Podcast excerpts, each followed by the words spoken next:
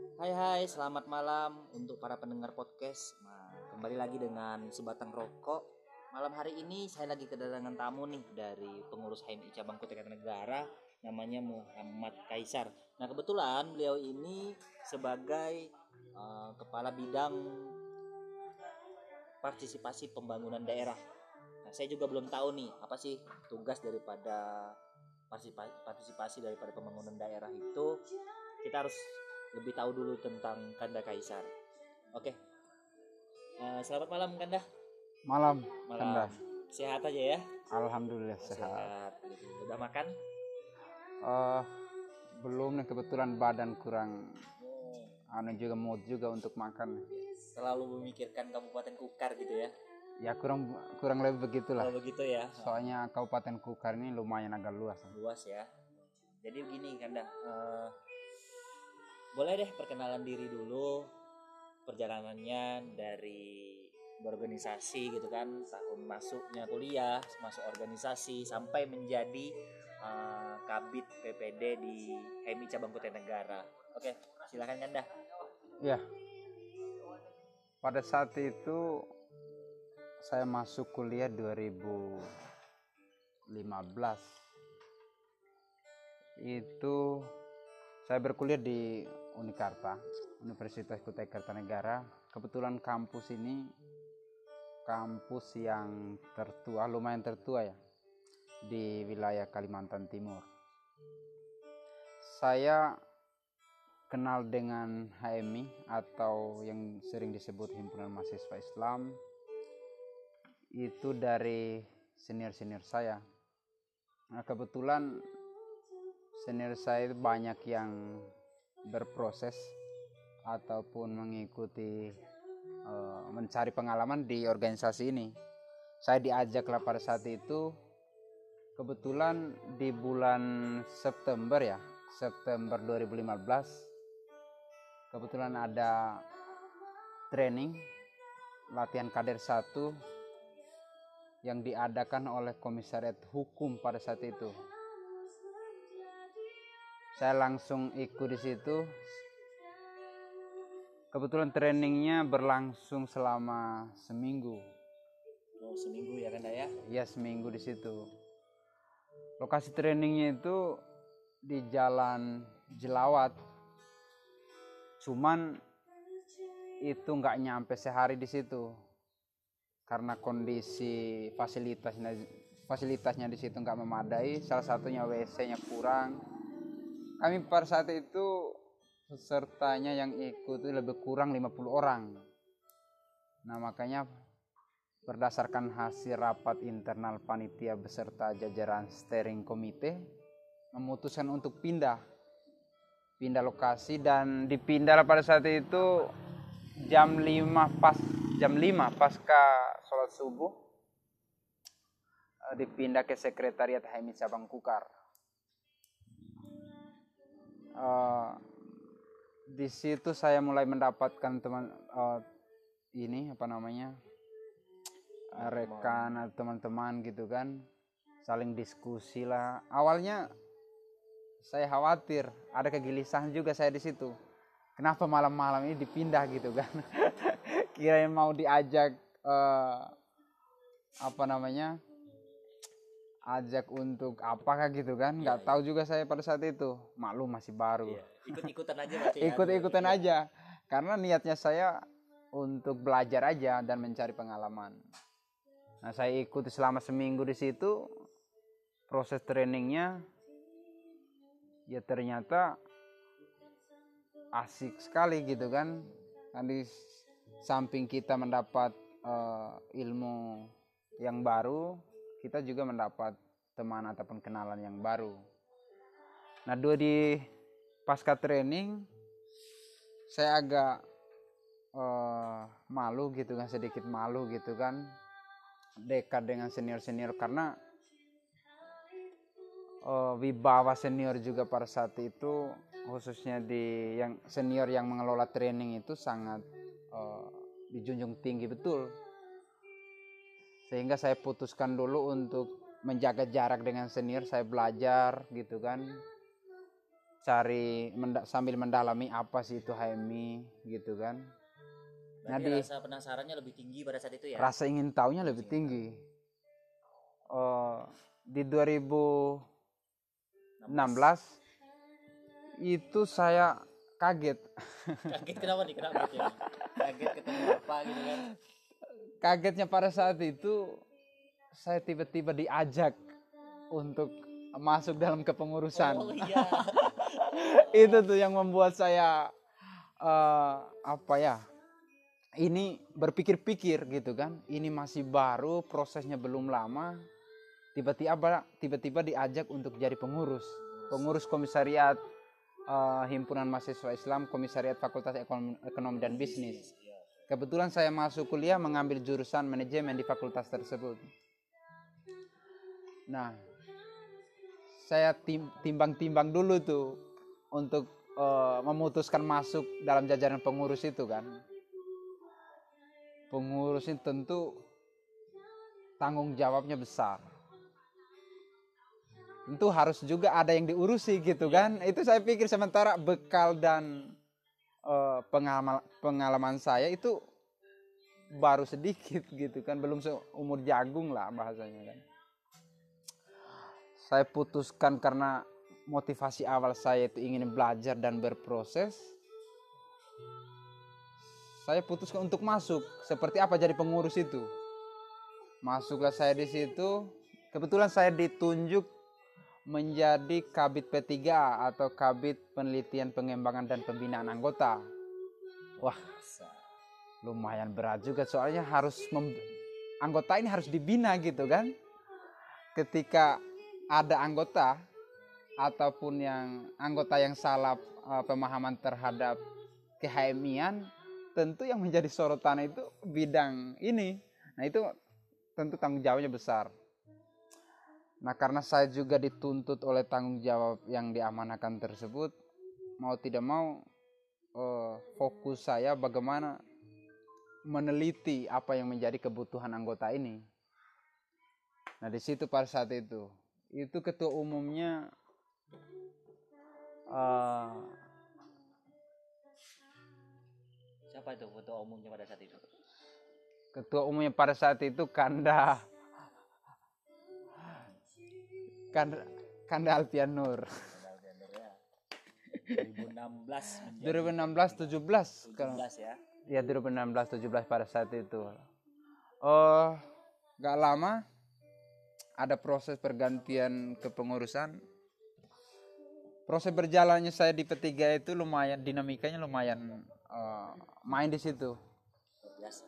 Iya karena pada saat itu proses pengawasannya terhadap pengurusan terhadap uh, pengurus komisariat yang berjalan yang dilakukan oleh pengurus cabang cukup ketat pada saat itu. Sehingga uh, kita juga didorong atau dipacu untuk melakukan melakukan aktivitas-aktivitas yang produktif. Karena organisasi ini adalah organisasi uh, kader mau tidak mau fungsinya itu harus terus berjalan sesuai dengan eh, nyawa-nyawa pengkaderan perkaderan gitu kan. Nah saya selama setahun itu menjadi P3 saya eh, nikmati betul perjalanannya lelah lelah terus capek dan lain-lain itu tentu pasti ada. Yang ingin saya tekankan selama satu tahun itu nikmati aja proses di situ.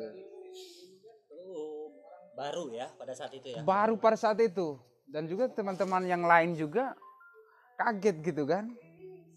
Nah itu cepat betul jadi pengurus. Nah saya nikmati itu. 2000 17 18 ya itu ada proses 2017 ada proses pergantian kepengurusan pada saat itu. Eh, kebetulan ini rapat tahunan anggota komisariat lokasinya pada saat itu dilaksanakan di kampus kampus kampus Unikarta. Nah di situ juga eh, kaget juga saya gitu kan, kok di kampus pelaksanaannya gitu nah. Padahal ini organisasi-organisasi eksternal kampus yang di mana seluruh aktivitasnya itu aktivitas keorganisasiannya itu ya harus dilaksanakan di luar kampus. Tapi mungkin pada saat rektornya rektornya dari HMI kayaknya. Juga mungkin ya. HMI juga itu pada saat itu rektornya masih Pak Sabran. Eh, berjalan di situ cukup alot juga eh, pelaksanaan rapat anggota komisariat itu. Kandidatnya pada saat itu kebetulan direkomendasikan dari sekretaris umum komisariat itu Kanda Arman pada saat itu. Eh, itu kebetulan beliau juga sekarang menjabat di kepengurusan cabang periode 2019-2020 ikut dengan saya juga beliau menjabat sekarang di Kabit eh, HAM dan LH hak asasi manusia dan lingkungan hidup.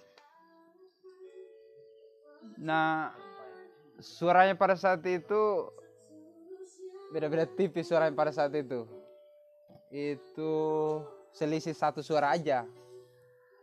Nah saya merupakan suatu keberuntungan juga terpilih jadi ketua umum komisariat pada saat itu. Bukan sebuah musibah ya jadi ketua umum tuh ya. Kalau dikatakan musibah, Atau ujian gitu. iya musibah dalam tanda kutip Hah?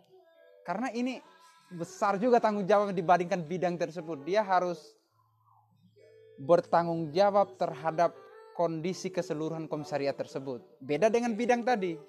Kalau kalau bidang P3A tadi itu masih bertanggung jawab di wilayah anggotanya saja. Secara khusus ya. Secara khusus, lebih khusus. Kalau jadi ketua umum ini kan tentu banyak bidang itu.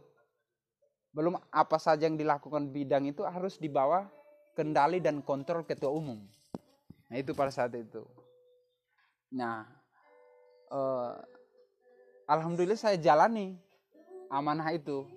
Lagi-lagi motivasi saya nggak eh, cukup eh, apa ya? Motivasi saya itu cuman di organisasi ini bahwa wadah kita atau kesempatan kita untuk berproses. Nah itu saya syukuri aja dengan jabatan yang ada itu, jabatan menjadi ketua umum itu. Perjalanannya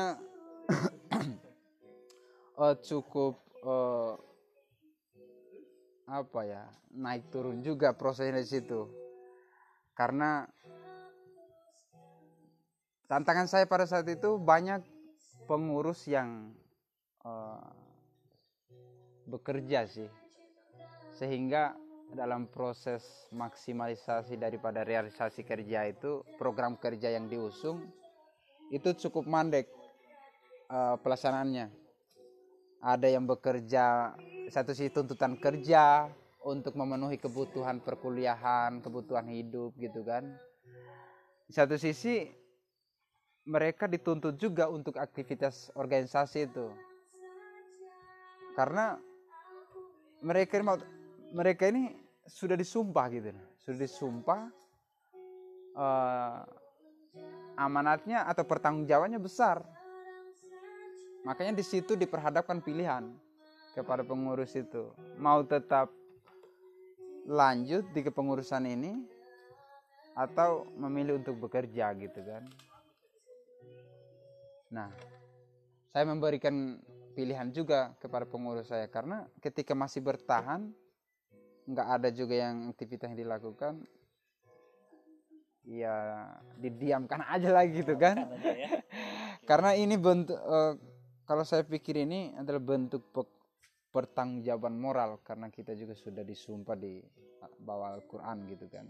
Di 2017 2018 itu menjadi pengurus tahun berapa tuh masuk ke cabang? Wah, masuk ke cabang itu 2018 itu saya dilantik jadi kabit PAO di 2018 tepat di bulan Agustus pada saat itu Agustus di bawah ketua umumnya Kanda Lahalimatu Kalau sekarang kalau posisi saya sekarang ditunjuk di bidang eksternal bidang partisipasi pembangunan daerah. Nah ini lagi nih yang agak berat lagi gitu kan. sekarang ketua umumnya siapa nih ketua umumnya? Kalau ketua umumnya sekarang itu Kanda Mursid Mubarak juga. Kebetulan beliau sekampus dengan saya. Satu ruangan juga. Ini lucu nih iya. Gimana, gimana Apa? ceritanya gimana? cerita awalnya dengan ketua umum terpilih ini awal-awal masuk perkuliahan itu yang saya kenal awal itu pas mau masuk training jenjang training satu itu latihan kader satu itu beliau beliau itu itu di pas muka depan BEM Visipol Unikarta. Nah saya bincang-bincang pada saat itu ke mana? Kamu ikut anu gak training juga kah? Ya Haimi ayo sama-sama.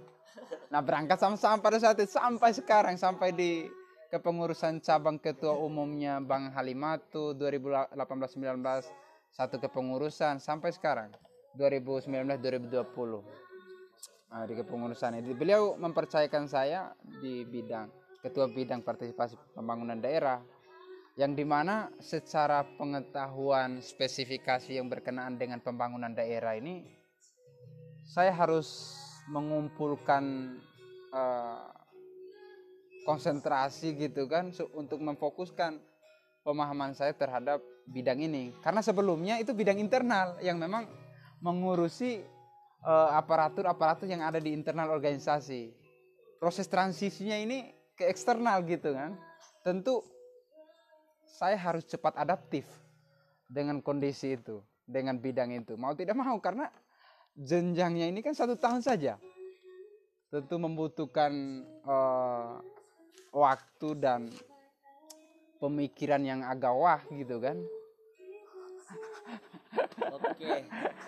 Luar biasa ya eh, Kanda Kaisar ini perjalanannya Dinikmati saja lah. ya, proses berorganisasinya dari tahun 2015 sampai tahun 2020 ini ya yang paling penting adalah eh, apa sih sebenarnya daripada program kerja PPD itu Iya. ke depan di zaman Kanda Mursid Mubarak ya Iya, Kanda Mursid Mubarak, saudara saya tadi. 2019 2020 kan Iya, 2019 2020. apa sih yang lebih di, diutamakan dalam program kerja di PPD itu sendiri Kalau untuk eh, fokus program kerja sih memang saya lebih kepada infrastruktur jalan gitu kan.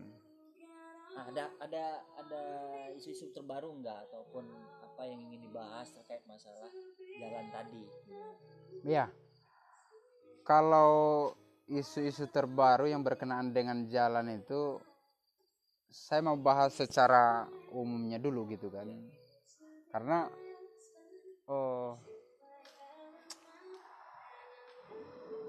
kondisi Kabupaten Kutai Kartanegara yang memang cukup luas gitu kan.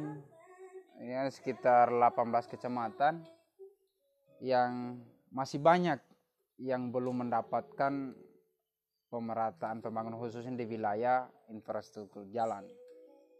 Ini salah satu contohnya di Sebulu gitu kan, khususnya di desa Bloro yang menghubungkan antar desa Tanjung Harapan gitu kan. Itu padahal areanya sangat dekat betul dengan pusat aktivitas pemerintahan Kabupaten Kutai Kartanegara. Kok itu enggak eh, itu yang menjadi kegelisahan saya juga yang kenapa saya mau fokus karena jalan ini itu urat nadinya masyarakat. Ketika bayangkan ketika jalan kita rusak atau musim hujan apalagi dihadapkan dengan musim hujan sekarang kan seperti sekarang tentu akses jalan itu atau akses perputaran eh, transportasi masyarakat, mobilisasi hasil daripada perdagangan itu macet. Perekonomian lumpuh di, di situ. Nah ini yang kami tekankan kepada pemerintah Kabupaten Kutai Kartanegara agar lebih fokus memperbaiki ini, membangun ini, supaya koneksi antara desa ke desa itu itu lancar. Aktivitas mobilisasi hasil pertanian, terus tentu berdampak positifnya besar terhadap akses jalan karena bersangkutan dengan pelayanan publik. Nah itu kami dorong itu. Selain daripada jalan, ada lagi nggak Kanda? Eh, selain jalan ini ke depan ini kita fokus eh, kepada eh, kesehatan kesehatan kan. ini isunya ini kan dari pusat bukan isu lagi itu sudah diputuskan bahwa eh, kenaikan tarif BPJS itu sudah dibebankan kepada masyarakat sudah ada ketuk palunya gitu kan mulai berlakunya di awal bulan Januari kemarin sesuai dengan perpres kah eh, yang diteken sama Presiden Joko Widodo. Nah ini sangat berdampak juga pada masyarakat ini, yang di mana kami melihat masalah kesehatan, masalah pendidikan, masalah kesejahteraan itu sudah menjadi tanggung jawabnya pemerintah. Nah, untuk mencarikan solusi ini yang pertama kami yang harus yang dilakukan oleh khususnya bidang ini menghimpun data dulu data ataupun respon daripada uh, masyarakat yang terkena langsung dampak terhadap kenaikan BPJS itu tentu kami kami juga tidak langsung ini apa namanya uh, melakukan tindakan tindakan ataupun langkah di luar daripada aturan-aturan yang ada juga. Nah, kami menghimpun data seperti apa responnya dari masyarakat. Karena ada juga daerah ini, daerah yang uh, menggratiskan. Itu BPJS itu cukup dengan uh, membawa KTP sama kartu keluarga itu bisa. Bisa ya? Bisa. Tapi saya lupa daerahnya itu. lupa daerahnya itu yang bagian Sulawesi itu daerahnya Oh, tuh. Sulawesi nah, ya. bagian Sulawesi. Nah, kenapa di sini tidak bisa gitu nah? Padahal anggaran kita yang baru saya diketok kemarin itu anggaran untuk 2020 itu 5,8 triliun. Wow, fantastis. Cukup pantas artinya tinggal ini. Tinggal keberpihakan aja lagi gitu kan. Keberpihakan ataupun niat baik dari pemerintah kita hari ini. Mau ndak mereka ini khususnya yang berkedudukan di situ mengalokasikan untuk eh, BPJS anggaran untuk membayar iuran BPJS itu. Saya pikir sih mampu aja gitu kan. Cuman eh, harus disisir kembali atau dilakukan cross check kembali anggaran-anggaran yang memang tidak efektif dan berdampak langsung kepada masyarakat itu seharusnya di eh, gitu kan untuk di untuk dialokasikan kepada eh, kebutuhan-kebutuhan yang mendasar kesehatan eh, apa pendidikan sama infrastruktur. Ini kebutuhan pokok saya pikir. Tanpa infra- infrastruktur eh, pelayanan kesehatan juga terganggu gitu kan. Tanpa apalagi lebih-lebih pendidikan. Apalagi kita menghadapi eh, gonjang ganjing IKN sekarang ini. Itu tentu pemerintah harus memikirnya ke hal-hal yang seperti itu. Bukan malah eh, apa namanya menyiapkan energi untuk maju lagi 2020 gitu. Oke oke oke. Oke, Oke, siap. Eh, terima kasih untuk kesempatannya Kanda Kaisar sudah Siap, sama-sama. ke tempat kita pada malam hari ini. Eh, satu pesan nih untuk adik-adik dalam berproses mereka dalam organisasi bagaimana Iya. pesannya? Kalau pesan saya eh, tetap jalani proses di HMI ini dengan baik. Senior senior ada dua senior itu. Ada dua menarik nih. Apa itu? Ada memang senior yang aktivitasnya di luar daripada ke organisasi emang dalam dalam tanda kutip itu cenderung eh, tidak membawa misi-misi organisasi kita dan ada juga sebaliknya yang memang sudah militansinya itu terbangun. Nah, di situ jangan dicap bahwa organisasinya lah organisasinya yang rusak. Tentu ok- oknumnya. Oknumnya. Itu yang saya tekankan. Dan sampai mereka adik-adik ini menjustifikasi bahwa ajaran ataupun eh, ilmu yang didapatkan di HMI itu kadang eh, di luar dipraktekkan yang berbeda. Nah itu yang saya khawatirkan diadopsi sama adik-adik sehingga eh, menimbulkan adik-adik ini krisis kepercayaan terhadap produk-produk yang dikeluarkan oleh HMI. Produk dalam tanda kutip produk SDM-nya.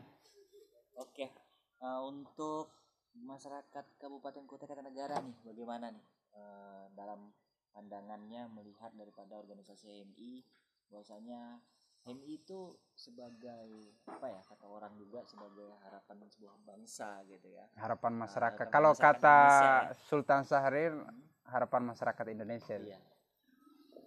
Gimana nih harapannya untuk masyarakat Kabupaten Blitar Nah, terkait isu-isu yang diangkat terkait masalah jalan, BPJS kesehatan dan yang lain kan banyak gitu kan. Iya. Eh sebagai status kita mahasiswa, mahasiswa Islam Indonesia, tentu apa pun yang menjadi aktivitasnya itu harus berpihak, bukan berarti tidak berpihak sama sekali, kan ada juga itu tidak berpihak atau netral. Netral. Kalau HMI itu berpihak kepada kebenaran atau Kebenaran. kepentingan masyarakat umum. Nah, setiap gerakan yang dilakukan yang kami bawa atau yang kami angkat tentu ada konsekuensi logis yang diterima itu. Eh, kita memahami bahwa setiap gerakan itu ada yang diuntungkan, ada yang dirugikan. Contoh, yang diuntungkan misalkan eh, kita angkat masalah jalan misalkan. Yang diuntungkan masyarakat. Yang dirugikan tentu pihak pemerintah memang yang sudah mengalokasikan anggaran itu ke hal lain dengan adanya desakan ataupun dorongan itu tiba-tiba ke anggaran yang dialokasi ke hal yang lain tadi itu dianggarkan ke sini, dialihkan ke sini. Itu oh tentu kita paham lah di dalam itu ada pihak ketiga yang mengeksekusi proyek-proyek itu gitu kan. Nah itu saya pikir yang dirugikan. Tapi eh, sejak apa namanya kami tidak akan mundur. Kami juga siap berseberangan dengan siapa pun yang memang kontra dengan kepentingan masyarakat umum tadi. Nah, dalam perjalanan menyuarakan, menyuarakan ini tuntutan dan apa tawaran dan ancaman ancaman pasti ada. Ada ya. Ya, ancaman itu dari pihak-pihak yang terganggu kepentingan tadi itu kami nggak hiraukan. Piring nasinya ya. Piring nasi dapurnya lah gitu lah, kan. gitu. Karena ada isu-isu sekarang ini bahwa sampai pada orang tua pun atau masyarakat awam pun bicara masalah piring nasi ini sangat menarik ironi juga gitu kan. Oke, oke. Oke, terima kasih Kanda Kaisar kunjungannya. Eh, nanti suatu Sama-sama. saat kita akan berdiskusi lagi. Siap. Kita akan mendalami. Selalu terbuka kok kalau topik. saya masalah itu. Ya, ya. Eh, itu aja eh, untuk teman-teman yang lagi mendengarkan. Terima kasih. Eh, mau itu mendengarkan di pagi hari, siang hari, sore hari atau malam hari. Sukses untuk kita semua. Terakhir dari saya, sebatang rokok adalah sebuah impian bagi orang yang mau berpikir di dalamnya. Terima kasih. Bila topik kali Assalamualaikum warahmatullahi wabarakatuh. Waalaikumsalam warahmatullahi wabarakatuh.